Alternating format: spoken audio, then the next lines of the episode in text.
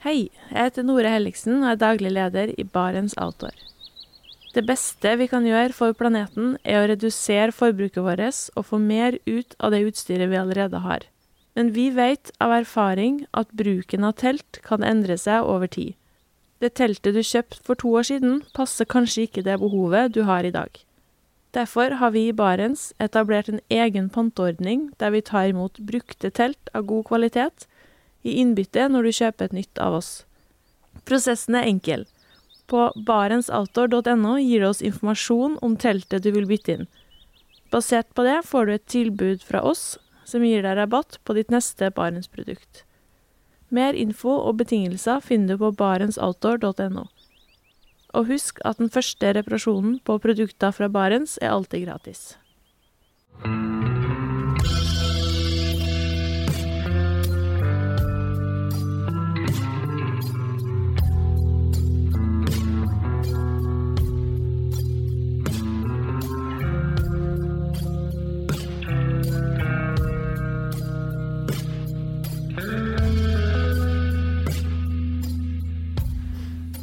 Hei og velkommen til podkasten Uteliv.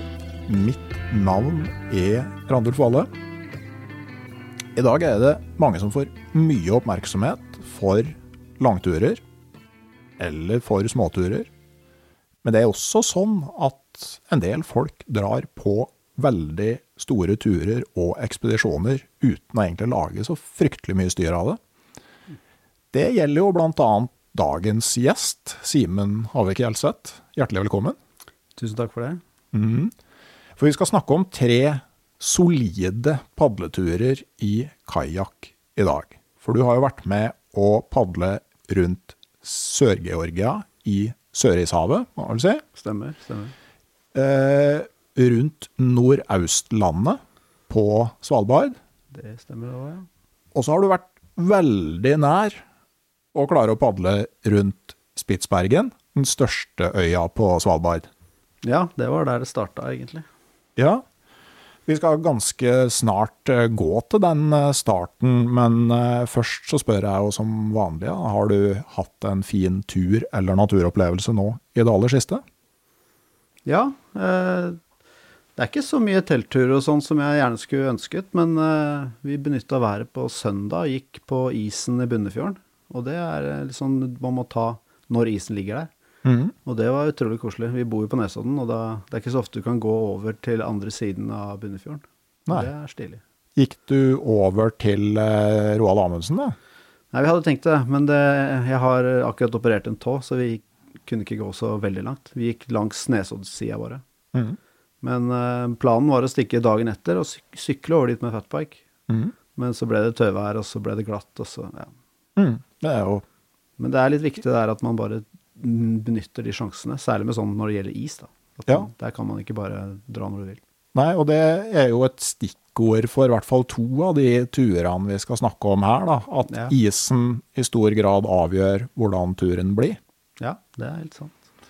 For eh, la oss eh, Ja, først kan vi jo si at vi tar opp episoden i dag eh, Vi har festa mikrofonstativet i Helge Ingstads skrivebord. Hva Ja. tenker du om det?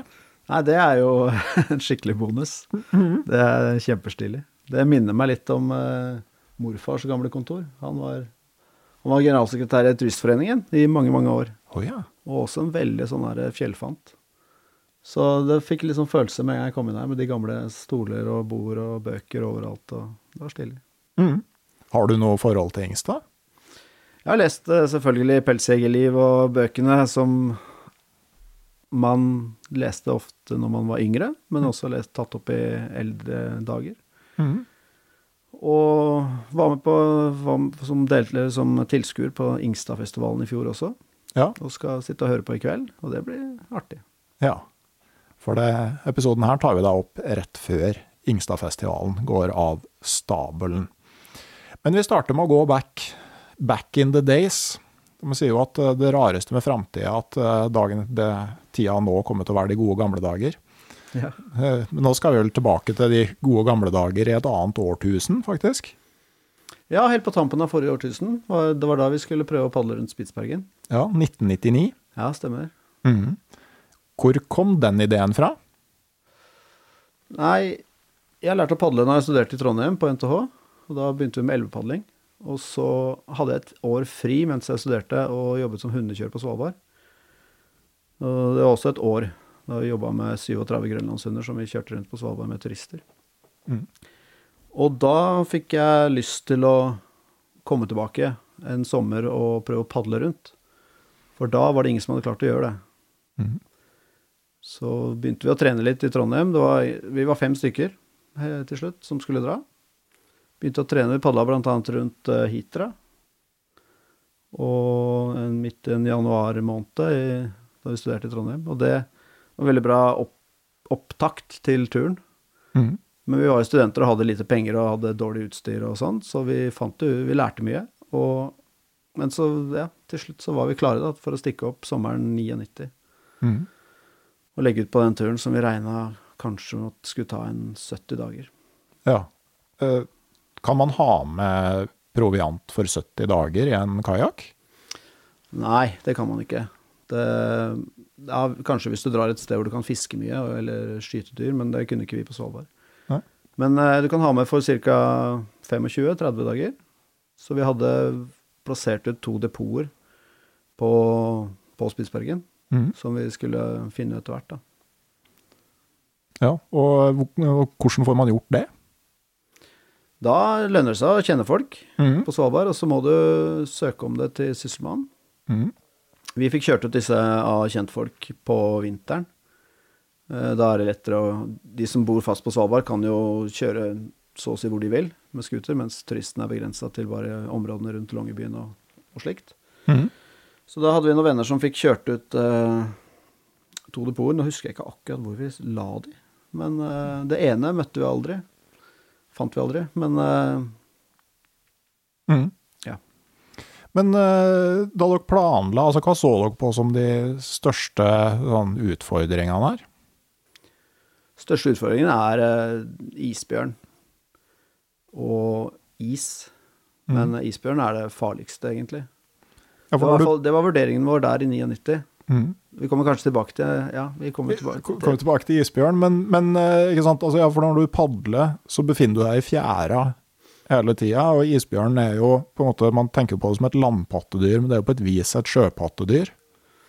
Ja, den heter jo Ursus maritimus, mm. og det indikerer jo at den lever jo på havet. Mhm. Den lever jo på sjøisen. Men ja, som du sier, vi padla i, padla i fjæra, men du, padla, du krysser jo fjorder og sånn òg. Og en isbjørn kan svømme i en 4,5-5 knop på, på det meste, og det er det man padler i òg, på det meste. Mm. I snitt så padler det sånn 2,5-3,5 knop. Men isbjørn i vannet tenkte vi ikke at det var så veldig farlig, men vi skulle jo opp på land både hver eneste natt, selvfølgelig, og til hver lunsj så var vi på land. I vannet så var jeg mer redd for eh, hvalross, og det For de kan være litt sånn, særlig i brunst, så kan de være veldig kontaktsøkende, og litt sånn de skal passe på området sitt, eller kvigene sine. Mm. Det er også, det merket vi senere at ved kontakt med de, at de er veldig de er veldig fysiske seg imellom. Mm. Og de er veldig vant til å gni seg til hverandre. Og da tror jeg ofte at hvalrossen også Hvis du kommer med en kajakk, så er det ikke fordi de er sinte eller eh, skal ha deg vekk, men de gnir seg opp til deg òg. Mm. Og når eh, ja, 400-500 kilo hvalross gnir seg til en kajakk som veier 100 kilo med last, da, mm. så blir det Den vinner alltid. Ja. Det har jo skjedd etter dere var der at folk har fått uh, kajakken uh, Fått høl i kajakken fra Hvalrosstann. Ja, jeg har lest om det. Både sodiakker som har blitt punktert av hvalrosstenner, og kajakkere. Mm. Det er jo eh, relativt dramatisk, ja. Men, eh, men eh, sånn med å få kajakker og utstyr og sånt til Svalbard òg, altså Igjen, Ja. Er det en fordel å kjenne folk.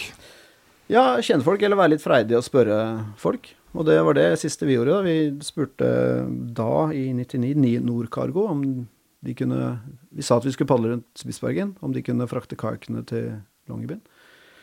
Og da svarte han som tok imot telefonen at eh, ja, hvis dere er så jævla dumme at dere skal padle rundt der oppe, så skal vi gjøre dette gratis for dere. Så det var fantastisk. Ja, ja det, det er jo sånn snille gutter spør ikke om ting, men de får heller ikke noe. Nei, ikke sant? Det, så det er jo lov å prøve. Eh, Jeg husker jeg prøvde å spørre en eh, sånn eh, trøndersk dagligvarekjede som kunne passa veldig godt som reklame på et gult telt. Ja. og han begynte med, ringte til sjefen sjøl, og han begynte med at han syntes det var kjempebra at folk gjorde sånne ting. Ja. Og jeg var jo der, liksom. Men dere får jaggu betale sjøl. kan han jo ha et poeng i, da, men Nei, men det er alltid vanskelig å få penger. Det er lettere å få, det er lettere å få gjenstander, har vi merket. Eller, Mm. eller hjelp, da, sånn som det å frakte ting. tjenester. Ja. For det er jo folk som De trenger kanskje ikke egentlig gå via offisielle kanaler for å gjøre det. Nei. Og så har sant, et skip har en kapasitet til fem kajakker. Mm. Eh, Men eh, så vidt jeg forsto, altså dere var fem som starta. Og så var det litt sånn forskjellig motivasjon og målsetning internt i gruppa. Ja, stemmer det. Vi, vi var to stykker på en måte fra Svalbard, Jens Abild og jeg, som hadde jobbet sammen som hundekjørere. Så vi kjente Svalbard, og vi Jens kunne ikke padle så veldig godt, men han uh, var veldig Svalbard-mann, da. Mm. Og så var vi tre stykker til. eh, Knut Espen Solberg, Lars og Gisle. Jeg husker ikke etternavnet, fader, det er så lenge siden. Men eh, fra fastlandet, eller fra Oslo-området. Mm. Knut Espen studerte sammen vi fikk trent en del sammen. Disse to andre, Gisle og Lars, de trente selv i Oslo. Mm. Men vi merket jo senere at det var jo veldig forskjellig padlekunnskapene. For vi hadde lagt opp til at, eh, siden vi ikke hadde hatt så mye tid til å trene sammen, så hadde vi lagt opp til at de to første ukene var liksom treningstur. Mhm. Men det er jo ut fra Longyearbyen og ut ganske sånn skummel kyst, egentlig, opp til Ny-Ålesund. Og der hadde vi litt velt, og fant ut at uh, rulla, den satt jo ikke i det hele tatt. Og kajakkene var lasta ganske feil, så selv om vi hadde kunnet rulla skikkelig godt, så hadde vi nok ikke klart det med den sånn slike som vi lastet kajakkene. Vi hadde annet noen svære gryter bak på bakdekket. Og Knut Espen hadde med seg en gitar. Utrolig koselig å ha på tur, men litt upraktisk. Du får den ikke ned i en kajakk som må ligge på dekk, da. Mm. Men eh, ja, nei, det ga oss veldig mye erfaringer som skal, skulle komme liksom veldig godt, godt uh, til nytte ved senere padletur, da. Mm. Ja, men det er liksom eh, sånn erfaringer fra Altså sånn Experience comes from bad judgment, er ikke det man sier? Jo, du kan si det. Eh, Det er jo Det stemmer bra, det. Men eh, det endte jo med at to av dere prøvde å padle hele veien rundt, mens de tre siste tok ned Videfjorden. Ja, stemmer. Det, vi skilte lag på, oppe på uh, reinsdyrflya. Og det var også en, en kjempegod erfaring til senere. Det at vi, vi var fem stykker, og vi skulle Vi hadde to telt.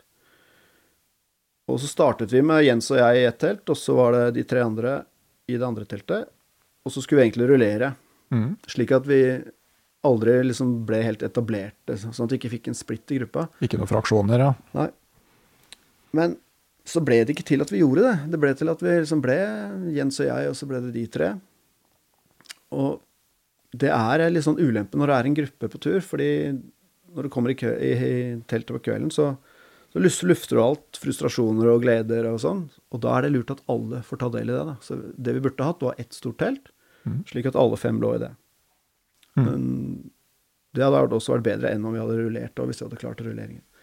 Men så utviklet det seg litt sånn forskjellig Ja, ikke sant? du klarer ikke å logge hvilke forventninger folk har i, for, i forkant av en tur, på en Nei, ja. ordentlig måte. Og det kan jo òg endre seg når du, endre seg. når du har såpass lite erfaring og møter realitetene. Og så hadde vi veldig mye dårlig vær, veldig mye motvind i starten, så det, alt gikk så veldig, veldig sakte. Mm. Så det gjorde at vi Det var vel etter Ny-Ålesund vi kom dit på nyttårs... Nei, på nyttårsaften, på sankthansaften. Og hadde en Kom rett i en fest blant de som bodde i Ny-Ålesund. Det var kjempegøy. Så vi ble liggende der et døgn eller to. Og etter det så begynte vi å snakke åpent om at eh, det var forskjellig motivasjon, og, og vi hadde jo hele tiden Vidjefjorden, å bære over fra Vidjefjorden til, eh, til eh, Billefjorden, blir det vel. Som, en, som et alternativ, da. Mm. Hvis de så F.eks. For eksempel hvis Hindopenstredet var frosset uh, med is. Mm. Så helt sånn Vi hadde også dobbelt opp på alt utstyr, slik at vi kunne splitte oss. Og det var også med tanke på at hvis en eller to ble skadd underveis, og noen måtte padle tilbake etter hjelp, så, kunne, så hadde vi av alt, så vi kunne splitte laget. Mm. Og det gjorde kanskje avgjørelsen om å splitte lettere også, fordi vi hadde utstyr til det. Mm. Så på reinsdyrflyet så bestemte vi oss for at eh, Jens og jeg ville veldig gjerne prøve å fullføre. Mens de tre andre de skulle inn Viddefjorden, og så skulle de, skulle de bære over og så padle tilbake til Longyearbyen. Hvordan føltes det da, liksom Jeg vet ikke om det var dem eller dere som forsvant, det, men da dere skilte lag? Ja, det var vi som forsvant, Jens og jeg. Ehm, De andre ble liggende sikkert en halv dag, eller kanskje til ettermiddagen, eller jeg vet ikke helt. Det har ikke noe å si når du padler på døgnet der oppe, i og med at det er midnattssol. Og det er en fantastisk opplevelse. Det er at du faktisk Du endrer døgnet ditt totalt. Det, det tok bare fire-fem dager, så lov, hadde vi sånn 36 timers døgn cirka. Ok. Vå- Våken i 24 og sov i 12. Og sånn ble det. Så det var veldig vanskelig å skrive dagbok. Så når jeg ser tilbake, så er det sånn ja, mandagen, og så går jo den langt over i tirsdagen. Mm. Så tre, dager, van, tre vanlige døgn er to dager i dagboka. Ja. Hæ. Men eh, ja, nei, det var ikke så det var, Vi var ved godt mot alle sammen da vi skilte lag. Det var, Vi hadde kommet fram til at det var det riktige å gjøre. Mm. Og så er det jo Hinlopenstredet Det blir jo mellom Spitsbergen og Nordøstlandet, stemmer det? Mm. Som ofte er liksom krukset på det å komme seg rundt Svalbard i kajakk. Eller rundt Spitsbergen i kajakk. Ja, det er det. Og oss, ja. Ehm, det er ganske mye strøm, eller kan være strøm der, det er ikke sånn enorm strøm akkurat der. Men eh, det, veldig ofte så ligger jo isen der til sent, sent, sent på sommeren. Og så brekker den kanskje bare opp litt grann før den fryser igjen til på høsten. Mm. Hadde dere noen sånn strategi? altså Fikk dere noen sånn israpporter? Hadde dere noe kommunikasjon? Nei, i 99 had- så hadde vi ikke det i det hele tatt. Vi hadde jo tenkt å ha med satellittelefoner, men Ridium hadde gått konkurs. De var jo ganske nye på den tiden. Ja, det var da det, ja. Ja. Da Rune og Torry var på Polhavet, og de holdt oppe et par satellitter Ja, det, ja, det stemmer. for at de skulle ha kommunikasjon. Ja. Men ellers så var de konkurs, eh, tror jeg det var. Det var derfor de hadde lagt ned. ja. Og så var det en annen aktør på markedet på den tiden òg, men de også, det var noe stopp der òg. Så det fantes ikke. Så det eneste vi hadde med oss, var VAF. VHF. Mm.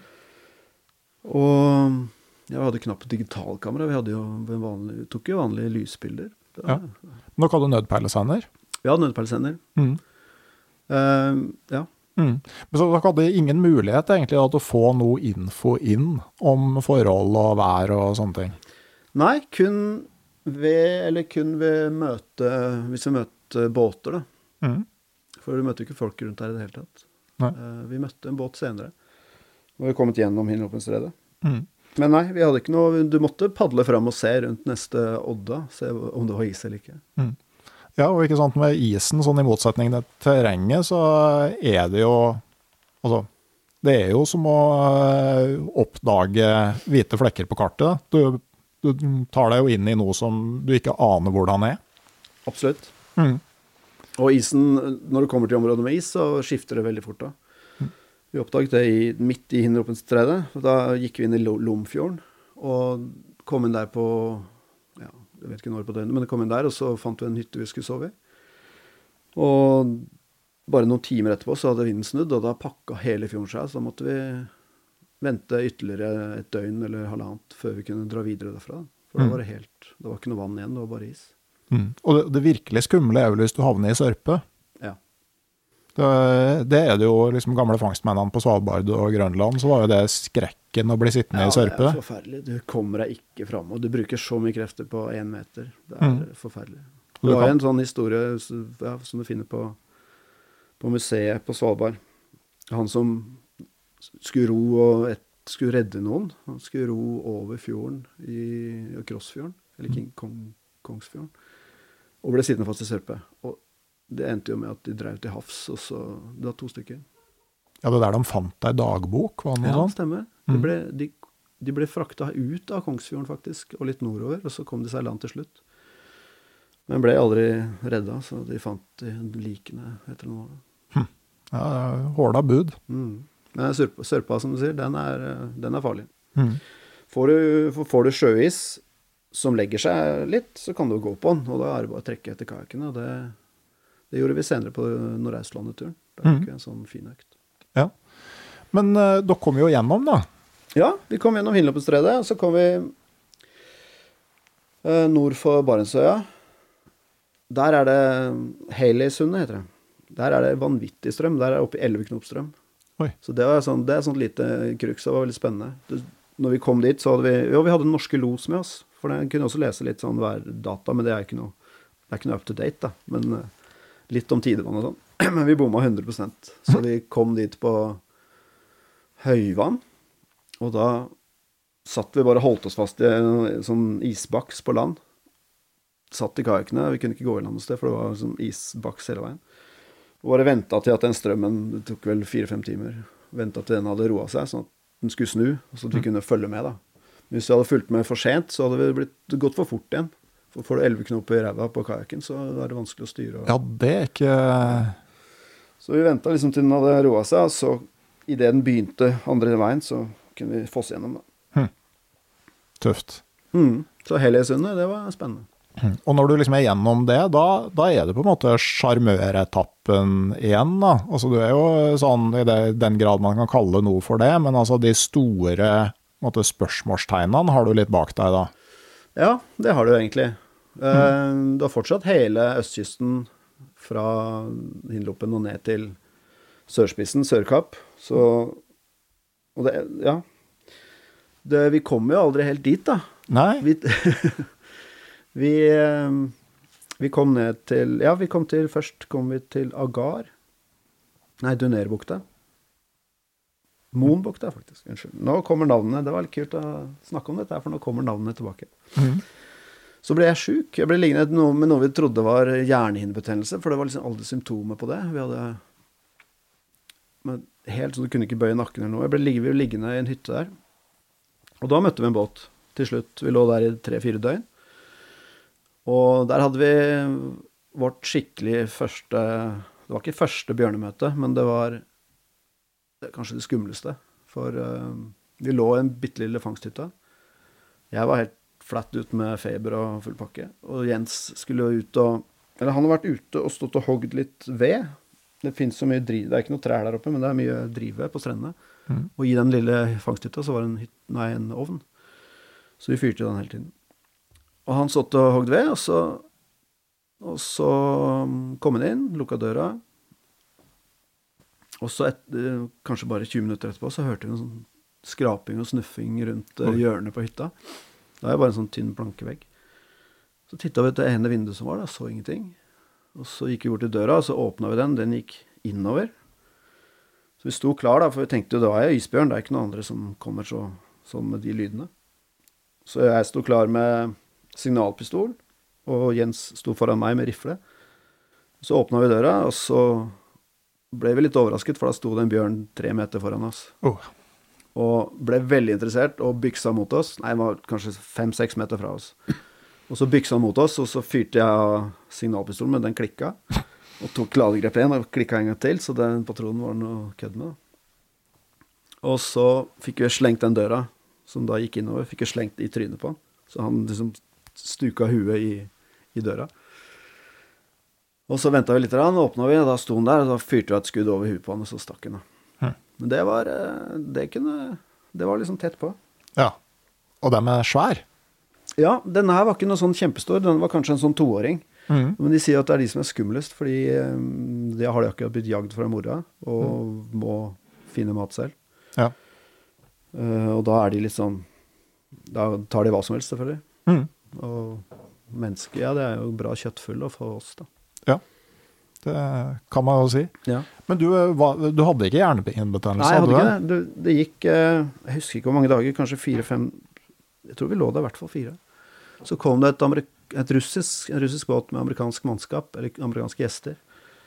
Uh, sånn cruiseskip som vi fikk kalt opp på EF-en. Eh, og de stoppa, og så kom de inn med en lettbåt og henta meg ut, til, så de hadde en lege om bord. Fikk det sjekka, men selvfølgelig, som alltid når man går til legen, da er man jo frisk igjen, ikke sant. Så mm. da var det så å si ingenting. Nei. Vi fikk noe febernedsettende, og det var det. Og så lå vi vel et døgn til, og så kunne vi padle videre. Mm. Hm. Og hva skjedde da? Jo, padla videre ned til eh, Ja, da var det jo først innom Agar, ja. Og så ned til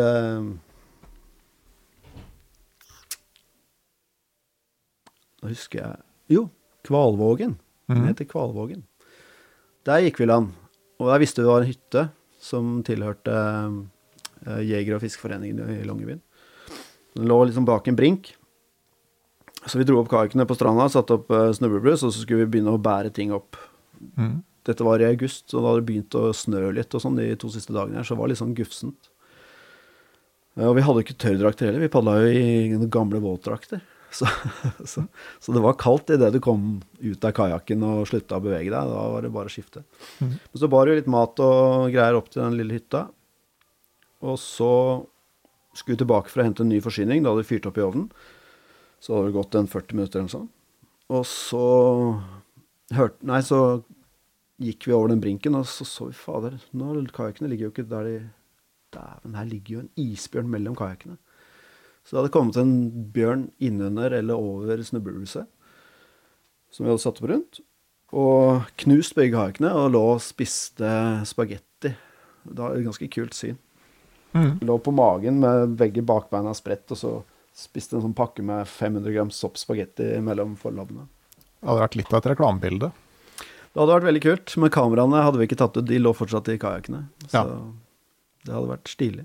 Ok, men da er dere altså på østkysten av Spitsbergen. Det er ikke midt i, på E6, liksom. Nei, det er langt fra folk. Og du har to knuste kajakker. Mm. Hva var vurderinga da? Nei, vi gikk jo Om ikke i kjelleren, så gikk vi liksom Vi måtte jo ta en tenkepause. Det, ble jo tvunget på oss, det. Mm. Så vi gikk opp raskere sammen. Nei, det, ja, det som skjedde når vi gikk ned mot, mot bjørnen, så så den oss, og så ble den kjemperedd, og så løp den, og da fyrte den jo av det knallskuddet idet den løp ut av leiren, eller ut av, ut av kajakkområdet. Og da fikk den jo skikkelig blod, eller ble den enda reddere, og bare forsvant til sjøs og svømte av gårde. Og så fant Jeg har ikke den lista foran meg, men eh, den hadde spist eh, noe sånt som tre kilo spagetti og fire-fem sånne Det var, det var jo før real turmat òg. Men Toro-poser med bolognese og ja, mm. jegergryte og sånne ting. Spiste bra med mat. Så jeg var Mhm. sikkert ganske tørst der den stakk av gårde. Ja. Hva var det du spurte om? Det Hva, var, hva, ja, men altså, hva, hva tenker dere liksom, om veien videre? Jo, vi skjønte at vi hadde Vi hadde vel eh, Jo, vi hadde på en måte tre muligheter. Det ene var å lappe sammen kajakkene, så det ble en dobbeltkajakk. For det er såpass knust. Men det var baugen til Jens og hekken min som var knust. Og vi hadde med såpass mye glassfiber og polyester at vi kunne ha gjort det. Mm. Men det, vi anså det som litt sånn risky, da, for det blir litt sånn nødreparasjon i felt, og så skal du lage alt på det. Mm. Uh, så begynte vi å se på muligheten for å gå til Svea. Mm. Men vi hadde jo, dette var jo en padletur, og vi hadde ikke beregna med noe tau og økser og sånn, for da måtte vi over to breer for å komme Mm. dit. Så vi anså det som ganske risky òg. Og så en tredje mulighet var jo nødperlesenderen, og så bare fyre av den, og så kanskje bli henta, Mm. hvis den funka. Det, det gjorde den nok, hvis vi hadde prøvd den. Men den vurderingen angående den uh, nødperlesenderen, vi tenkte at det, det er litt Vi er jo ikke livsfare der vi satt. Vi satt jo i en hytte, Mm. og vi hadde mat. Mm.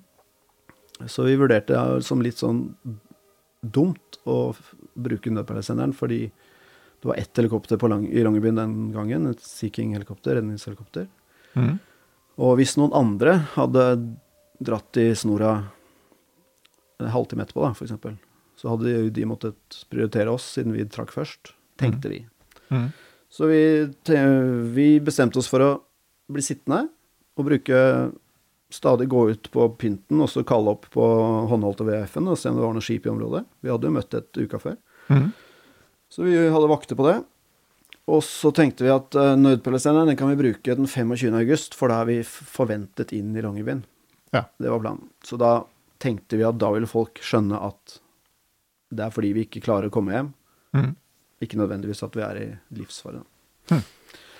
Så vi blir sittende, og der ble vi sittende jaggu i seks-syv dager. Og vi fikk ikke noe kontakt med noen båter. Vi lagde oss et backgammon-spill. Det var ganske kult. Og lagde, lagde terninger og greier, sånn at vi Og med skikkelig statistisk gjennomkjøring, sånn at det ikke var noe juks at noe tyngre på ene siden og sånn. Satt og Mhm. filte og holdt på. Ehm, så vi ble veldig gode på det. Det var én bok der i den hytta, som var den der, om den ebola-outbreaken. Den het vel Outbreak, Ok. ja. så den leste vi et par ganger hver. Jeg husker jeg var på foredrag, men jeg var, jeg var veldig imponert. Husker jeg jo fortsatt det. Og husker dere, det var først litt sånn konkurranse om å få den boka og få lest den ut før dere ble henta. Ja, Liksom lese den litt fort. lese litt fort, og så Ja, og så ble det plutselig sånn Jeg kan, kan kanskje lese den litt grundigere. Ja, stemmer.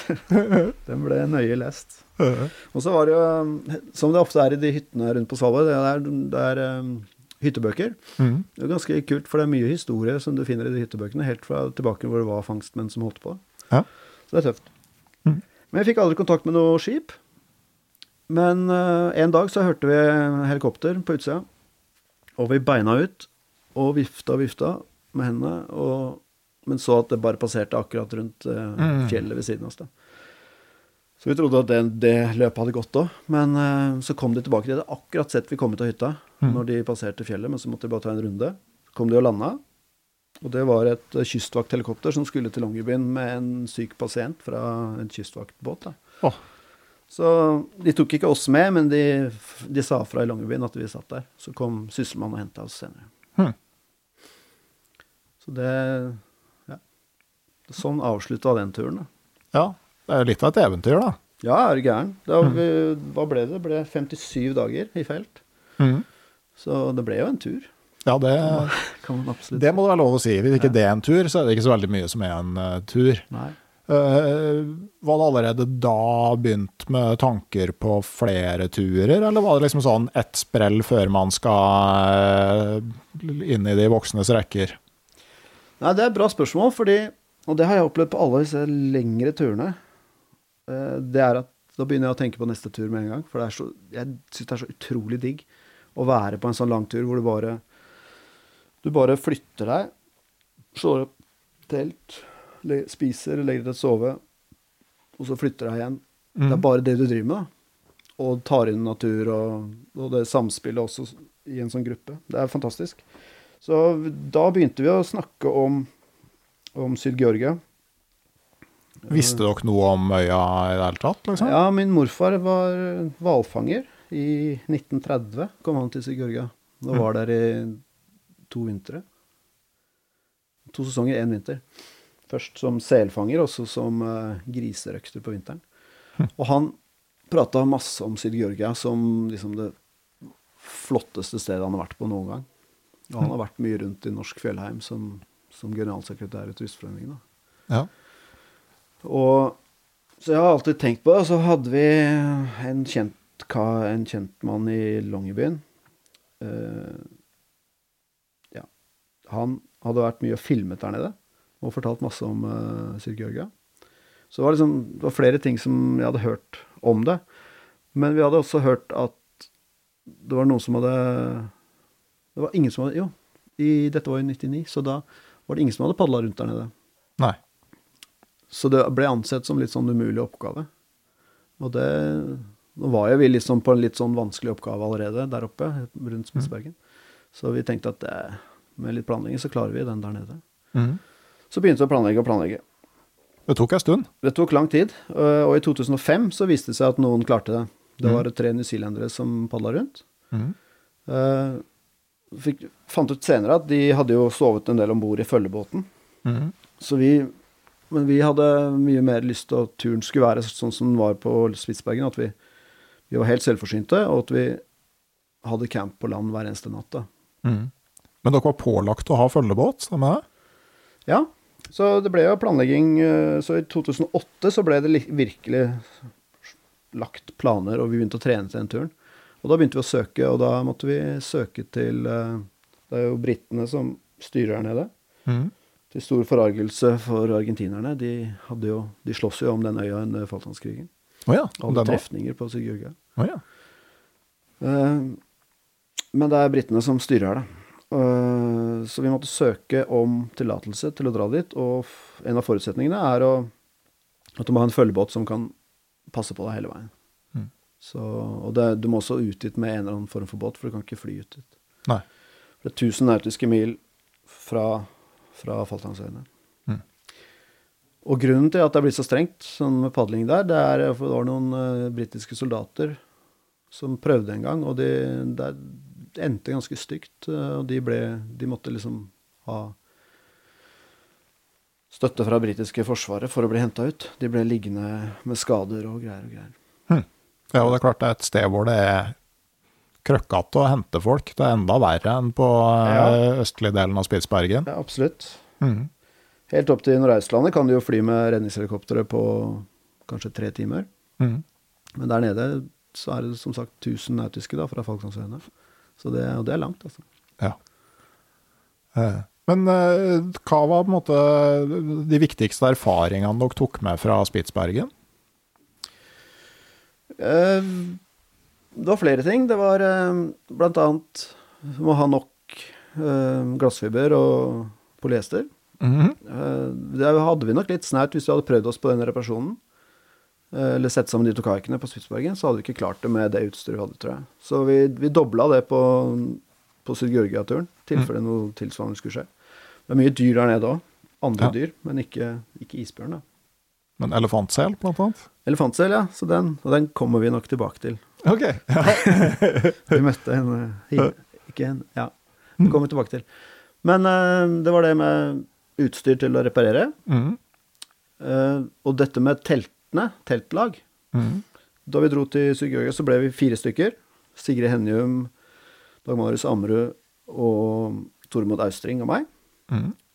Uh, og det var fire istedenfor fem da, som vi var der oppe.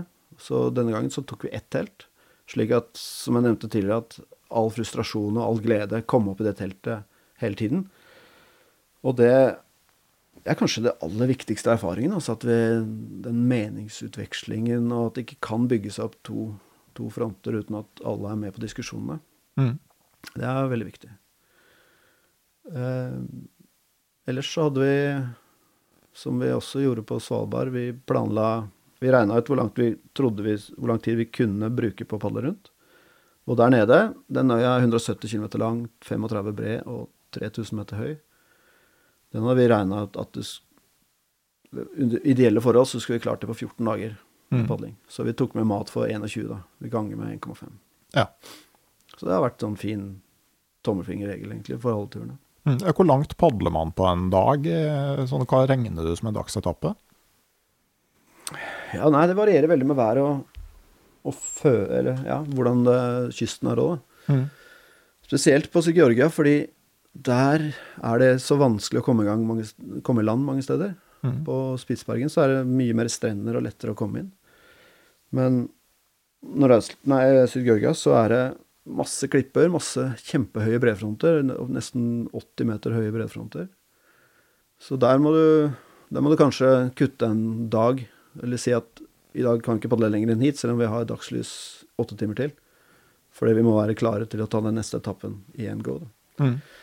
Så hva skal man si? Det er vanlig å padle kanskje 80, ja, 80 mil. 80 km. 60. Ok. Hvor mange timer er du i aktivitet da?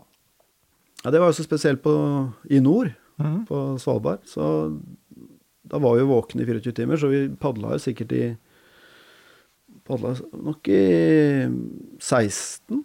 16 timer, kanskje. Eh, Med lunsj imellom, da. Mm. Og noen selvfølgelig tissestopp og bæsjestopp underveis. Mm. Men der nede så var det i Sør-Georgia, da, da ble det mørkere. Det ble mørkt sånn i åttetida på kvelden.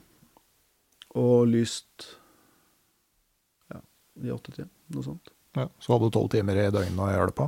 Ja. Mm. Så der eh, var det åttetimersdager cirka. Sånn padledager. Så det ble ikke det utvida døgnet der? Nei, det gjør ikke det. Mm. Men eh, kan du si litt mer om, eh, om eh, det med, med, med dyrelivet der? Jeg har jo nettopp tatt opp en episode med Stian Odland, som, Ja. som sier som han har Syd-Georgia er fineste plassen på jorda. Ja, der er jeg helt enig med Stian. Det er helt fantastisk. Mm. Nei, det er Vi dro på våren, da, den sydlige våren, så vi dro i oktober. Så vi hadde to muligheter. Dra i oktober, eller dra et, på ettersommeren. For Og greia er uh, pelsselen som, som uh, parer og legger barna sine på strendene. Mm. Så vi dro så tidlig at vi fikk ja, Det er så større sjanse for å få bra vær på våren. Så vi dro i oktober, og da var det bare hunder som lå på Nei, sorry, hanne som lå på strendene. Men der lå det Det husker jeg vi Vi var så imponert over at det var så sinnssykt mange. Jeg tror det er fem millioner pelsel på Sigurga, som er da 170 km lang. Oi. Det er helt vilt. Så jeg tror ikke det gikk mer enn fem sekunder mellom hver gang vi så en ny pelssel når vi padla. Og ganske kult når vi kom inn. Vi må jo inn til bare, både for å gå på do, men også til lunsj og når vi skal slå i leir. Så har jo hannpelsselene okkupert hele stranda. Og det er, det er liksom om å gjøre å få den beste strandparsellen, for damene kommer jo fra sjøen, så de, og de vil gjerne pare seg antageligvis med de som har de beste strandparsellene der. Da. Så kommer vi inn, og da blir jo de frustrert. ikke sant? Fader, noen som dytter oss vekk fra, fra der jeg har tenkt å ligge. Så, begynner, så presser vi oss inn med kajakkene, og så begynner de å slåss med nabo. For, for da må han ene flytte seg, så han slåss med naboen. Og så begynner naboen å slåss med naboen der igjen. Og så ser de en sånn bølge av slåsskamper til enden av stranda.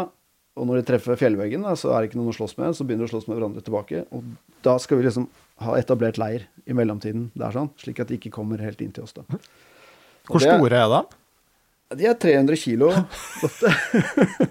De er i bjørnefamilien. Så det, det er ganske kult hvis du søker opp på Antarktis pelssel. Så har de samme skjelett som bjørn, samme kjeve, samme hodeskalle. Men de har fått loffer istedenfor bein. da. Så egentlig en svømmende isbjørn omtrent. da. Eh, Ja, i hvert fall en svømmende bjørn. Så fascinerende. Ja. Og, og den blir jo likevel eh, små eh, i forhold til de største selene her. Elefantselene, ja. Ja. Elefantselene blir jo opptil fire tonn.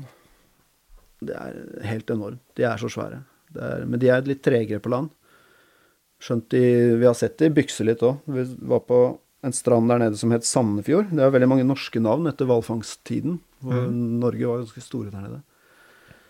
I Sandefjord så lå det en kjempe hannelefantsel. Og de har gjerne et harem av hunnseler rundt seg. Så han lå og holdt på med mange av de. Det er én av gangen, selvfølgelig, men mange av de. Og i, i sjøen på utsida så lå det sånne unghanner og venta. Så når han heiv seg på en hunde borti på enden av stranda, så sneik de seg opp på andre enden og begynte med sitt der, da. Og når han så det, så bare sparka han vekk den hun- hunden hun holdt, på- han holdt på med, og bukta seg bortover for å ta og banke opp han andre karen som da stakk til sjøs igjen. Mhm. Så de, de er forholdsvis raske på land, men uh, det er jo som en ja, stor kålmark, da. Sånn Stor, tung kålmark. Men du vil ikke at de skal åne seg opp på kajakken din? Nei. Og det, men det opplevde de, da. Ja, ok. Ja, det var uh, ganske Ja, et par, par uker ut til turen, så Hva het den? Jeg husker ikke hva stranda het. Men der våkna vi om natta at det var et brak. Og da var det en elefantsel som hadde skulle bare ut fra noe sånn tøssokgress bak teltet. Så skulle den åle seg ut og ut i sjøen.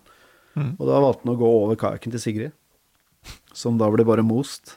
Eh, Og da var det fint å ha den erfaringen med kajakkreparasjon. Ja, da fikk du bruk for all glassfibra. Ja, så vi fikk reparert den i løpet av noen få timer på natta. Vi fyrte opp i teltet og fikk varme og tørke og sånn, og så lappa vi sammen. Det er jo litt tilfredsstillende, da. Ja, det er Og. Det er, det er utrolig kult å fikse sånne ting. At du har forutsett det litt. Mm. Har du med riktig utstyr, og så, så får du gjort jobben. da. Det er kjempetilfredsstillende. Mm. Du er jo utdanna på marinteknikk på NTNU i tillegg, da, Ja. så det er for, for, bruk for utdannelsen i Absolutt. Beregninger av stabilitet og flyteevne og sånn. Ja. Alt det var gjort på forhånd, heldigvis. Men eh, nei, det var kult, det, altså, å kunne reparere det. Ja. det så den, det, det oppholdt oss ikke i det hele tatt, faktisk. Nei. Den knuste kajakken. Men ellers, altså, de erfaringene ikke sant, både med, med utstyr og med det, det mellommenneskelige, da, det, det kom godt med. Ja, og det mellommenneskelige er det absolutt det viktigste. Det husker jeg Ja, når vi skulle ha inn folk Først var det jo Tormod som ble med på den Syd-Georgia-turen. Som er liksom den store, feteste turen, syns jeg. Selv om Nordøstlandet senere også ble en fantastisk Men han møtte jeg på, på dekk på en oljerigg i Nordsjøen. Og da hadde jeg begynt å tenke på dette her og planlagt det. Og så spurte han Eller jeg nevnte det bare. Vi sto ute og jobba i dårlig vær og masse oljedrit rundt oss. Og fortalte om Syd-Georgia, hvor flott det var, og sett bilder og sånn. Og så sier Tormod det vil jeg være med på. Han er fra Selje. Men, men jeg har aldri padla kajakk. ok. Men da, dette var i 2008, så det er to år før vi skulle dra. Så, men da var det han og jeg som begynte å planlegge, faktisk. Og han er en sånn bølgesurfer, så han er vant til å ligge under vann og med hodet og sånn. Så han lærte padling veldig fort. Og lærte å gå i bølger. Og vi var mye på Stad og trente før vi dro. Med skikkelig surfebølger og velta i de og sånn. Hm. Også veldig verdifull trening. Ja. Og så ble det Ja, så kom Sigrid Henjum til, mm. som sikkert mange har hørt om, og møtt og laget deilig turmat. Mm. Hun jobbet litt for meg, for jeg hadde et kajakkfirma, eller et firma som drev med kajakkturer og kajakkurs. Og så ble hun med. Og så har jeg en kompis hjemmefra, Dag Marius Ammerud, som uh, sånn soldat soldatkar. Mm. Som pleier å si han, han er sånn du kan ta med på alt sånt, da. han, en sånn du vil ha med deg i krigen, liksom. Ja. Litt sånn som er det, den han het han makkeren til Helge Ingstad på Grønland, som samme hva Ingstad sa, så svarte han samme for mig. Ja, stemmer. Ingstad mente vel at hvis han hadde ymta frampå om at de, de kanskje skulle ta en tur i retning Nordpolen, så hadde han ta, antagelig sagt samme for jo, men det er nok samme type fyr, for de kan være med på alt, og de takler alt. Ja, og, og de sier ikke samme for mig for å være tøff, men rett og slett bare for at ok, ja, hvis du har lyst på den turen til Nordpolen, så skal vi vel alltid se om vi klarer å få gjort det. Ja. Mm. ja, det er tøft. Det er bra å ha sånne. Ja. Så, men, men sånn noe med, med forarbeidet òg er jo eh, noe som på en måte kan sveise ei gruppe sammen eller splitte den òg, Ja. Ja, absolutt. Og der, eh, vi hadde en del eh, treningsturer sammen. Det var også en erfaring fra Spitsbergen, at vi, der trente vi ikke sammen. Og det, det var en, det litt blemme. Mm. For med en gang du trener sammen, starter to år før du skal dra på tur, da, så vil du fort finne ut om du passer sammen eller ikke. Og da kunne du kanskje splitte opp Ja. gruppa tidligere. Gjøre endringer. Ja, så det, det er veldig viktig. Og det, jeg mener jo at den planleggingsfasen, som nå tok to år i det tilfellet, det er en vel så stor del av turen, altså. For det, bare det å gå og glede seg i to år til, til du skal på tur. Mm. Hvor stor grad når man skal ut på en sånn tur, hvor stor grad gleder man seg, og i hvor stor grad er det på en måte blanda med litt engstelse? Jeg syns det er blanda med engstelse hele tiden, egentlig. Fordi, og jeg tror det er det som gjør at man klarer å planlegge godt òg, da. Mm. For du kommer på ting som kan gå gærent. Hvis, hvis du tenker at alt skal være så lett, så tror jeg planlegging blir litt dårligere. Ja. Nei, for jeg har jo merka sånn, altså sånn Jo større turene blir, altså det, Du føler jo på en måte aldri at du har helt kontroll. Altså det, det er såpass mye uforutsett at uh, altså du må prøve å planlegge og være forberedt og ha trent og gjort leksa di, men uh, på et nivå så, uh, så, så er det ting du ikke helt har kontroll over. da. Ja. Og det så når det først kommer ut i det på turen, så vil du sikkert møte enda flere ting som du ikke har helt kontroll på. Men vi, særlig når vi runda nordvesthjørnet på Syd-Georgia, som var liksom et av de store cruxene, for der blir det litt eh, strømforandring og bølgeforandring. Det var en dag som var veldig fin, og så hadde vi padla egentlig mye den dagen, men vi, det var så fint vær at vi tenkte nei, nå gønner vi på og kommer oss rundt det hjørnet. Og midt utpå der, og vi trodde fra kartet, det, ikke, det er ikke så veldig god kart over Syd-Georgia, vi trodde vi kunne gå inn en liten bukt rett rundt hjørnet, rundt odden. Det viste seg når vi kom rundt at det kunne vi ikke, særlig ikke med de bølgene som var der. Og der var det enorme bølger, og da kjente jeg for det første at sinnssykt bra at vi hadde trent så mye i bølger på Stad, mm. rundt Stadlandet.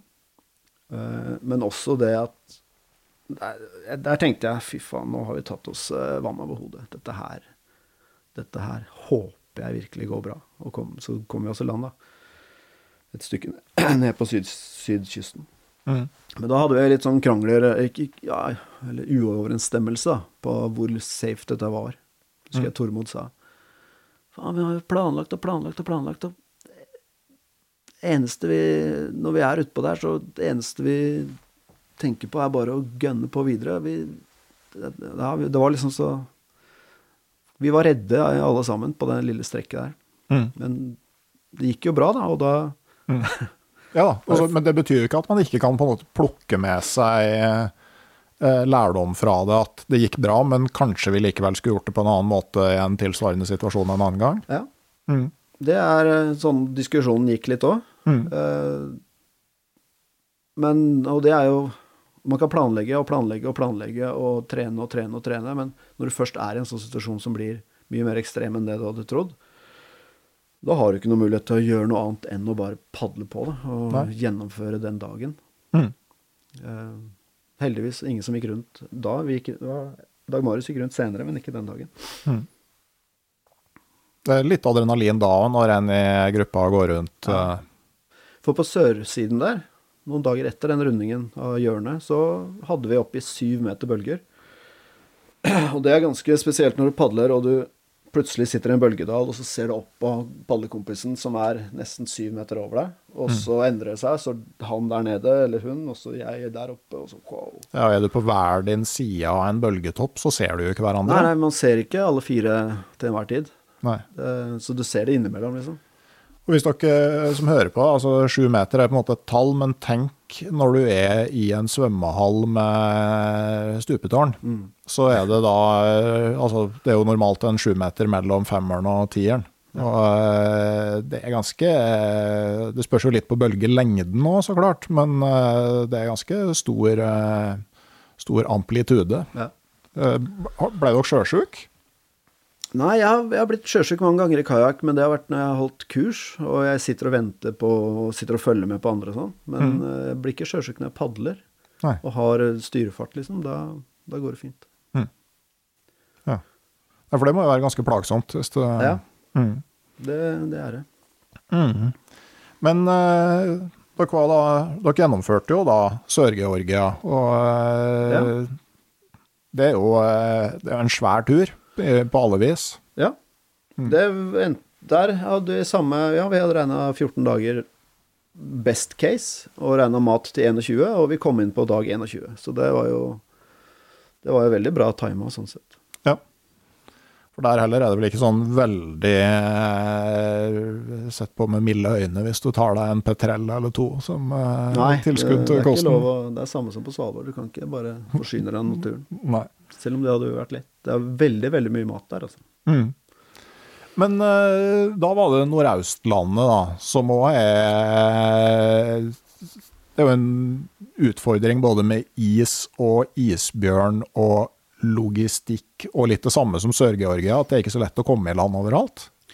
Nei, det stemmer. Og den Nordøstlandet-turen, den begynte å planlegge mens vi padla på Sør-Georgia. Mhm. Så det, det er også veldig kult. At man begynner å Kanskje en svakhet òg, at jeg ikke klarer å hele, leve helt, helt i nuet. At du vil tenke videre. Men jeg tror det er en en styrke òg, at du klarer å begynne å Ja. Du blir så inspirert av det du driver med, at du har lyst til å fortsette. Mm. Så da satt vi faktisk eh, årstallet òg. 2015 satt vi da i 2010 når vi padla der nede. Mm. Bestemte oss for at eh, det skulle vi prøve. Og så, i- så idet vi kom hjem etter Syd-Georgia, så dabba interessen litt av. Men så tok vi opp tråden igjen litt senere. Eh, Ja, det var vel to år før det, i 2013. Men da Og da var både Dag Marius med, og Sigrid var med. Og så måtte vi finne nye, for Tormod hadde fått barn og kunne ikke komme. Eller fikk, ja, han kunne ikke være med. Og da fikk vi inn eh, Først så fikk vi inn to stykker som måtte trekke seg fordi plutselig konene deres var gravide. Mhm. Og så endte vi med med mm, Mats Riise Bjørneby, som en kompis av en fetter av meg. Han var bare 25 år, så han var, det var ganske kult. En unggutt som heller ikke hadde padla noe særlig. Men som vi trente opp på de to årene. Og Kjell Erik eh, Reinhardsen, som også en sånn eks-soldat. Som er flink til å Man kan bruke til mye, da. Mm. Men det var det samme. Utvelgelsen av de to. Det var, eh, da inviterte vi det bare hjem til oss. Og jeg husker Kjell Erik, han Da var vi i et juleselskap, hele familien. Og så kom han til oss, og så sa vi bare 'slå deg ned, nøkkelen ligger der og der', og så er det noe øl i kjøleskapet, så kan du sove ned i kjelleren. Mm. Og så gikk han og la seg, og så kom, kom vi hjem midt på natta fra et juleselskap, og så gikk ungene ned og hent- vekka han. Og så ble vi sittende hele natta her og drikke øl og prate, og det var første gang vi møttes. Mm. Og da fant vi liksom, fant ut at ja, han er en jævla bra fyr å ta med på tur. Mm. Og det også, den utvelgelsen av hvem man skal ha med, det er, eh, det er en liten kunst, det òg, altså. Ja, Spesielt når du er såpass mange òg, ikke sant. For at å finne Ja. to stykker som går i hop, men å finne fem som går i hop uten på en måte at noen eh, Ja. At det ikke blir et, to par og en enkeltperson. og det, det er en del du skal tenke på. Det er det. Mm. Og så skal de være motiverte til å gjennomføre, det er kanskje det viktigste. Mm. Og at de ja, ikke tar seg selv til høytidelig, mm. og lett Ja, så kan du Om de kan padle kajakk, selv om det er en kajakktur, så er ikke det det viktigste, for det kan du alltid lære dem. Du kan ikke lære dem de sosiale ferdighetene. Nei. Men det var bevisst at dere var ganske mange ikke sant, på den turen, altså med Ja. tanke på isbjørn. Ja, for Nordøstlandet, der er det jo flest isbjørn av alle øyene på Svalbard, egentlig. Fordi Eller som et eksempel, så er det jo Hvis det kommer en isbjørn inn i Longyearbyen, Mm. og sysselmannen da, Av og til så bedøver de de, og så flyr de de ut. Og når de flyr de ut, da så er det til Nordøstlandet. Så da skipes alle opp dit, da. Mm. Men det er mer fordi det er så mye is rundt der hele tiden, og det er der bjørnen liker seg. Men eh, Ja, så isbjørn var den største faren. Ja, og det var vel noen som hadde prøvd å padle rundt der, som kom i en kjempedramatisk episode med isbjørn. Stemmer, det var i 2010. Ble dratt ut etter hodet, mener jeg. Ja, det er helt riktig. De, de var to stykker. Og de hadde padla Ja, det var ikke så veldig mange dager heller. De kom til noe som heter Ekstremhuken, mm. og satte opp telt. Og når du er to, så er det veldig sårbar, fordi du må jo sove. Mm. Og da setter du gjerne opp et snublebrus rundt teltet, og så stoler på at det skal funke, da. Men det funker ikke alltid. Det kan, splinten kan sitte litt i eksplosiven der, og ja. En strand er aldri helt flat, sånn at du, du setter gjerne den tråden. Den kan være lav et sted, høy et sted, så bjørnen kan komme under eller over. Men der hadde de våknet til at det var bjørn i teltet, og han ene tok vel Skulle ta hagla, men den hadde bjørnen tråkka på så han knokket. Og så tok han tak i hodet til han kompisen og dro han ut. Og så fant han eh, andre, da, fant rifla og fikk eh, skutt bjørnen. Da sto vel bjørnen på bakbeina med han i, han i kjeften. Og så traff han bjørnen og fikk skutt den. Ja. Og det var i 2010. Det var jo mens vi padla rundt Syd-Georgia. Så det var jo en episode dere visste om, ikke sant? Ja. ja. Nei, så Og- da hadde dere isbjørnvakt da hele tida? ja, så vi bestemte oss for, både med tanke på at vi hadde erfart det i 99 også, at bjørnen kom på innsiden av, av snubletråden. Mm. uten at vi merker det. Så planla vi med å være Vi hadde egentlig tenkt å være seks stykker, sånn at vi kunne fordele vakt, en vaktordning da, rundt hele døgnet. Mm. Eller hele natta. Men det gjelder også når vi, har, når vi hadde lunsj, så måtte vi alltid ha- ha en vakt som var våken, for det er lett når du padler så mye og er såpass sliten, så sovner du i lunsjen. Mm. Og det er like viktig da som, som på natta. Så vi hadde, det vi gjorde da, selv om vi var fem, så kjøpte vi et svært telt. Sånn Hillebær eh, Atlas, heter det vel. En sånn halvdom som du kan stå i. 205 høyde. Okay. Og for det, når vi da skulle skifte med å gå ut på vakt, så slapp det å krabbe over hverandre òg. Mhm. Så var, folk fikk kvalitetssøvn. Ja. Så var det ut på vakt. Hadde vi to timers vakter. Av og til én timers vakter. Mm. Ja, og da er det jo to timers vakter, så har du jo dekka opp ti timer eh, med alle sammen. Ja. Mhm. Og enkelte dager så sov vi ikke så lenge som ti timer, men vi da bare rullerte vakta videre til neste dag. Mm. Men så er det jo ikke sant, eh, du har jo eh, Austfonna. Ja. Det høres jo ikke så majestetisk ut, men det er en gigantisk isbre hvor brefronten går rett i sjøen. Ja, det er en flytende brefront, så Mm. den eh, henger jo i sjøen, ja. Og stikker en ja, ti, ja, fra, fra 0 til 20 meter opp av vannet. Enkelte steder så synker hele breen litt under vann. Så det, den er 160 km lang, og, og det er jo tenker Nest etter bjørn, da, så var liksom det et av cruxene. Mm. Og så var det jo is på sjøen som var et av cruxene, og så var det var det hvalross. Mm. Men det vi etter hvert identifiserte som det skumleste vi drev med der oppe, det var at alle gikk med skarpladde våpen til enhver tid. Inn i teltet. Vi hadde en revolver hver, og så hadde vi to rifler og en hagle. Mm. Uh, og det at du hele tiden har den på deg, og du sitter og pusser på vakta og sånn, det er kanskje det skumleste man driver med. da. For den er skarpladd hele tiden. Ja. Og det er man jo ikke vant til. Nei, man er jo ikke det. Disse to gutta fra Forsvaret var jo vant til det, kanskje, men, eh, for de hadde vært på noen sånne skarpe oppdrag. Men nei, det er, det er en sånn situasjon Ja. som, som er litt skummel. Men Austfonda, Mhm. Det var spennende, fordi når vi kom dit etter eh, Da hadde vi hatt Da hadde vi først møtt eh, havis på nordspissen, eller nord i bukta i nord der. Som vi måtte gå over. Vi brukte, gikk vel på isen i tre døgn. Hvor vi bare slepte kajakken etter hverandre. Nei, etter oss. Mm. Det funka veldig bra. Det hadde vi aldri prøvd før. Det var bare, vi hadde med to isøkser hver, så vi kunne padle på inn mot iskanten og så dra oss opp til første meterne med isøks. Og så gikk vi ut, og så brukte vi slepelina som vi har rundt eh, livet, da, til å slepe kajakken etter oss. Så kunne vi gå flere kilometer. Ja. Veldig kult. Ja. Eh, Det er jo liksom litt back to the roots da, med Nansen og Johansen. absolutt. Og for så vidt eh, Børge og Børge Hausland og um, Mike. Ja, men nå han Hva heter dem som tok turen ned fra 86-14? og mente opp på, på Frans Josef Land. Børge og Ja, det dukka opp et eller annet sted. Nei, jeg husker ikke heller. Nei, de eh, brukte jo kano, nei, kajakk som pulk i starten, Ja, og så padla videre. Ja, når, det gjorde jo Stemmer. Jørn Hansen, stemmer. ja.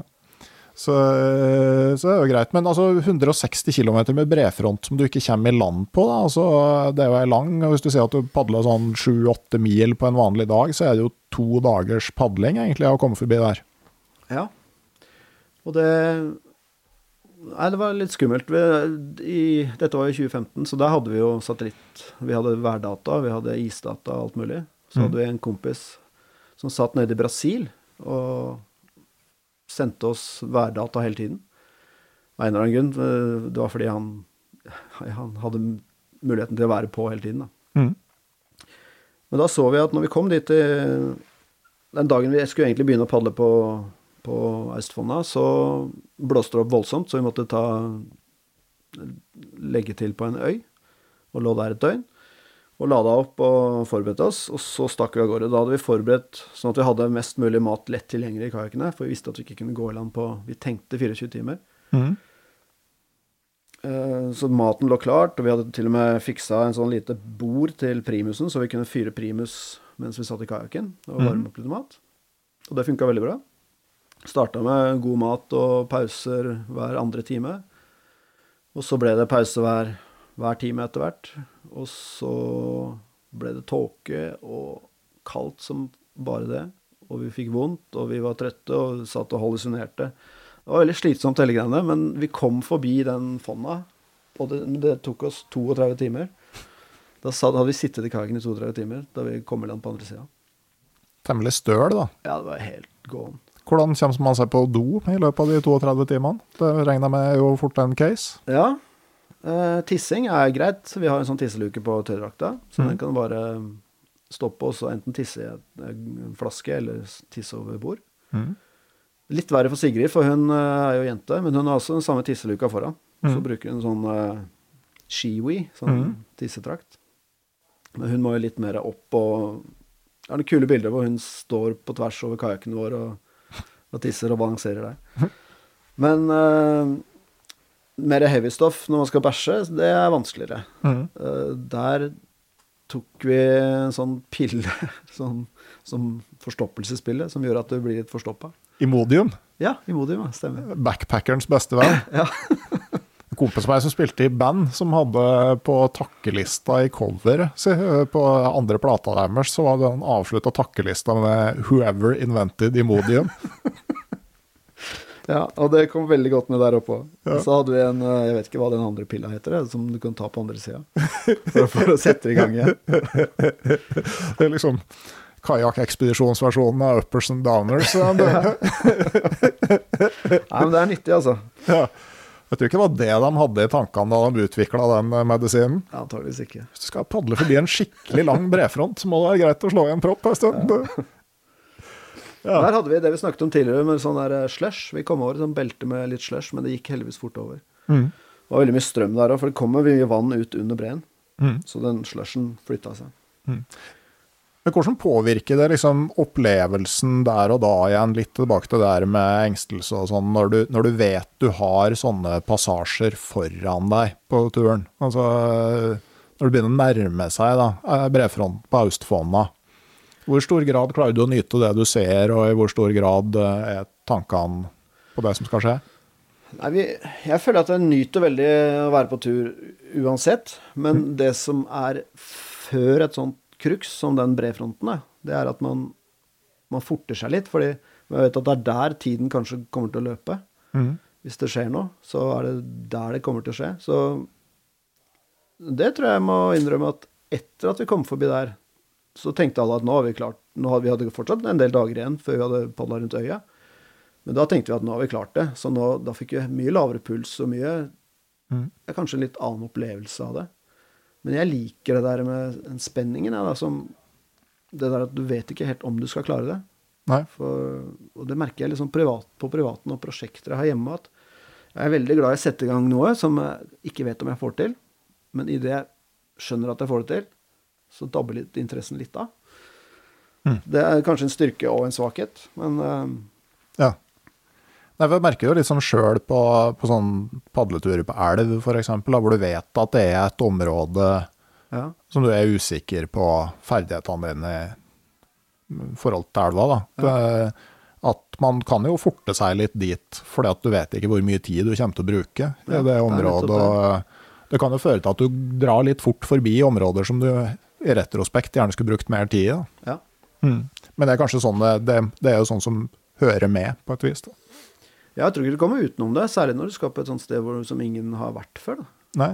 Eh, Med isbjørnen, da, blei det noen eh, liksom, ubehagelige episoder, eller funka vakttaktikken godt? Vakttaktikken funka veldig, veldig godt. Det, Og det, vi prata med en isbjørnforsker òg før vi dro, og han sa det at det, det er ganske sånn enkel psykologi. For, og det er det med de fleste dyr. Størst er liksom farligst. Mm. Så hvis, hvis Når det kommer en bjørn mot teltet, hvis vi kan vekke alle og være en stor enhet, da, mm. fem, fem mennesker, så, er, så blir de stort sett skeptiske. Vi hadde Vi så, så 15 bjørner og hadde fem som på en måte kom inn til oss, da. Mm. Men det var jo lett å skremme, og det var liksom bare å vekke alle sammen, stå og hyle litt og skyte litt i været. Ja. Jeg hørte jo Tor Larsen, som jo kan litt om isbjørn, Ja, det var Tor Larsen vi prata med. ja, som var i podkasten til bladet Villmarksliv. Han sa liksom at han hadde jo telt isbjørner, gått på ski, og telt Ja. isbjørner på liksom ja, tusenvis. Og eh, hvis man så en isbjørn, så snudde han alltid og gikk mot den. Mm. Altså, eh, for å liksom signalisere at eh, jeg frykter ikke det. Ja. Men det, jeg, jeg tror eh, sikkert de fleste tilfellene så funker det. Mm. Og han ga oss også råd om å bruke fløyte. Ja. For eh, de har, ganske, de har veldig god hørsel, og de har en sånn skjærende lyd. Mm. Skremmer de litt òg. For det vi merket med skudd de er, veld, de er nok veldig vant til å høre brefronter og breer som knaser og knuser og smeller og sånn. Mm. Så skudd er ikke så veldig skremmende for dem. Mm. Med mindre du har det rett i øret på dem. Men uh, fløyte, sa han. Men jeg tror også Jeg husker jeg bodde på Svalbard da jeg var liten òg. Pappa jobbet jobbet der oppe. Og jeg husker det var en plakat som sto det, det eneste man er sikker på, er at man ikke vet hvordan de reagerer. Isbjørn. Mm. Og det er det eneste liksom, helt konkrete de har funnet ut, er at de er uforutsigbare. Mm. Så det å alltid ha en taktikk med å gå mot dem på ski, det, det tror jeg Hvis du skal prøve ut den taktikken da, mange nok ganger, så vil den, så vil den feile. ja, det er vel sånn eh, Det var sånn som han som bodde oppe i Sibir ja, han- med den stokken. Ja, Han skulle bare ha en stokk. Han ble drept til slutt. ja blei han det? Ja. Oh, ja. Hm, ok, ja. Nei, det, han hadde jo vært der lenge, ja. Ja. Nei, sånn er det. Altså, Hvis du først skal ha med et instrument, da, jeg tenker på han der kompisen din som hadde med gitar, altså neste gang ta med banjo. Det må jo Ja. Eller sekkepipe. Ja, eller fele. Mange, mange som, det er mange som har meninger om hva slags instrument som eh, høres Ja. svært ut. Det var vel Ingstad som fant ut med moskusen på Grønland, mener jeg at han eh, Det var først når han begynte å kjefte på han på engelsk, at han stakk. Å oh, Ja. Ja, Men du, det merket vi at vi gjorde faktisk mye på Syd-Georgia. Vi begynte å snakke engelsk til dyrene. Jeg har òg gjort det der, altså Ja. snakke engelsk til bjørn i Canada. Det er rart. Jeg har alltid syntes det har vært så dumt, og så har jeg lagt merke til når jeg traff grizzlybiene med unge, så har jeg liksom bare Ja, nå, nå sto jeg og snakka engelsk. Nå. Ja. Mm. Men eh, hvilke turer var det du tenkte på eh, under rundinga av Nordøstlandet, da? Ja, Det spørsmålet har jeg fått flere ganger òg. For ofte når man holder foredrag om sånne ting, så kommer det spørsmålet opp hva er neste. Mm. Og da har jeg tenkt på Jan Mayen. Og så har jeg vært liksom, Jeg prata, annet litt med Stian om det. Mm. Og jeg håper jeg kan prate litt mer med han snart om det. For uh, det tror jeg har vært jævlig kult. Jeg tror ikke det er noe veldig vanskelig eller tidkrevende. Det som er Det er litt det samme som Sigurd Jørge, at logistikken blir det vanskelig, da. Ja, og det formelle Ja. Med å få lov. ja, men det tror jeg vi har kanaler vi kan gå. Ok, ja. ja Jan Mayen er fantastisk gøy. Ja. Du har vært der? Ja. Ja. Det, den enkleste måten å komme dit på, er å være kompis med noen som jobber der. Ja. For de får lov å ha besøk. Ja, ja. Så jeg fikk være med dit uh, ei uke Men du fløy ut med Hercules, da? med Hercules. Ja. Det var noe arbeid som skulle gjøres oppe der, sånn at det var mulig å få bli med. Og det var først og fremst å få besøke Ben og se hvor han, han jobber jo fast der. Ja. Eh, sånn turnusordning, og liksom få se hvordan han har det der. Eh, det er jo sånn, når du prater med kompisen din, eh, så er det veldig fint å vite hvordan det ser ut. Ja, ja. Og få være med til liksom, eller få se hyttene som de overnatter på. Det var, var veldig fint. Så det er en spennende plan. Mm. Mhm. Ja, jeg kunne tenkt meg det. Så det har kokt litt bort eh, litt sånn ting som har skjedd på privaten for de forskjellige og sånn, så det er jo ikke alltid så lett å koordinere med flere folk. Nei, og det er jo sånne prosjekter som skal planlegge seg en stund og eh, Mm. sånn òg. Så det, de færreste som ikke lever av å drive med sånne eventyr, eh, kan gjøre det der veldig ofte. Mm. Nei, det er både tid og penger. Mhm. Det var veldig artig å snakke med deg, Simen. Eh, Mange år siden sist. Ja, det var veldig hyggelig. Ja.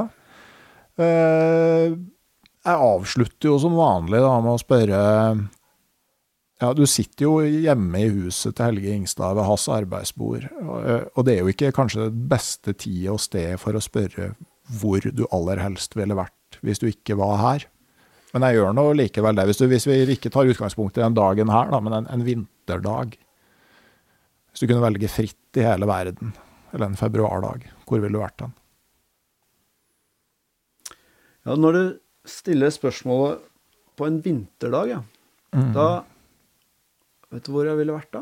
Nei? Da Det er et sted hvor jeg har vært, da, som jeg, men eh, som jeg veldig gjerne skulle dratt. Da ville jeg faktisk Når vi snakker om februar, da ville jeg vært i på den antarktiske halvøya og stått på ski. Hmm. Det, Og da er det jo midt på sommeren. da er det midt på sommeren der. Mm. Eh, Jeg var der i 2019, og sto på, sånn- vi seilte ned og så sto på ski der. Det var helt, helt rått. Fantastisk. Så mellom de store turene så tar du sånn små, småturer som å seile til den antarktiske halvøy og Ja, det var veldig flaks. Jeg ble, fikk være med som guide, så jeg slapp å betale noe. Ja, Det var helt fantastisk. Ja. Det, hørtes virkelig bra ut. Og det er jo kanskje Du trenger ikke å være redd for at noen har tatt uh, første linja ned fra toppen der. Nei, den uh, får du mange av. Mm. Litt nærmere et sted hvor man kan få førstelinja veldig ofte, i spektakulært terreng, er jo på øya Seiland i Finnmark. Ja. Nydelig skiterreng. Eh, og det går ei stund mellom hver gang noen setter spor der. Ja. Tusen takk igjen, Simen. Jeg skal eh, til slutt nevne at eh, podkasten Uteliv er til stede på messa Camp Villmark på Nova Spektrum på Lillestrøm, tidligere Norges varemesse, fra 24. til 26. mars. Der skal jeg ha live podkast, holde foredrag, og det blir mulig å handle bøker. Om alt går etter planen, så har jeg med meg to nye utgivelser når jeg kommer dit. Det er litt av hvert annet å få med seg på messa òg. Annet så er det foredrag med Jens Kvernmo, Lars Monsen og Therese Johaug. Jeg takker som vanlig dere som støtter podkasten Uteliv på Patrion. Dere er viktige for å holde meg på lufta. Det samme gjelder for min kommersielle samarbeidspartner Barents Outdoor AS. Da skal vi avslutte her og gjøre oss klar til Ingstadfestival. Så eh, er det helg. Eh, Da gjelder det å komme seg en tur ut, og fredag om ei uke så kommer det en ny episode av podkasten Uteliv. Ha det bra. Ha det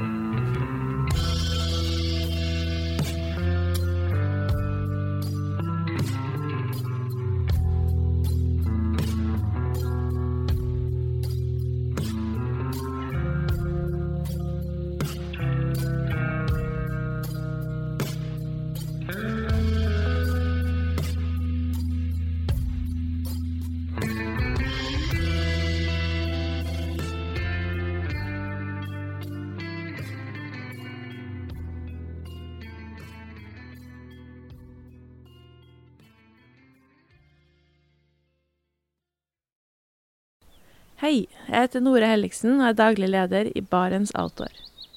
Det beste vi kan gjøre for planeten, er å redusere forbruket vårt og få mer ut av det utstyret vi allerede har. Men vi vet av erfaring at bruken av telt kan endre seg over tid. Det teltet du kjøpte for to år siden, passer kanskje ikke det behovet du har i dag. Derfor har vi i Barents etablert en egen panteordning der vi tar imot brukte telt av god kvalitet i innbytte når du kjøper et nytt av oss. Prosessen er enkel. På barentsoutdoor.no gir du oss informasjon om teltet du vil bytte inn. Basert på det får du et tilbud fra oss som gir deg rabatt på ditt neste Barents-produkt. Mer info og betingelser finner du på barentsoutdoor.no. Og husk at den første reparasjonen på produkter fra Barents er alltid gratis.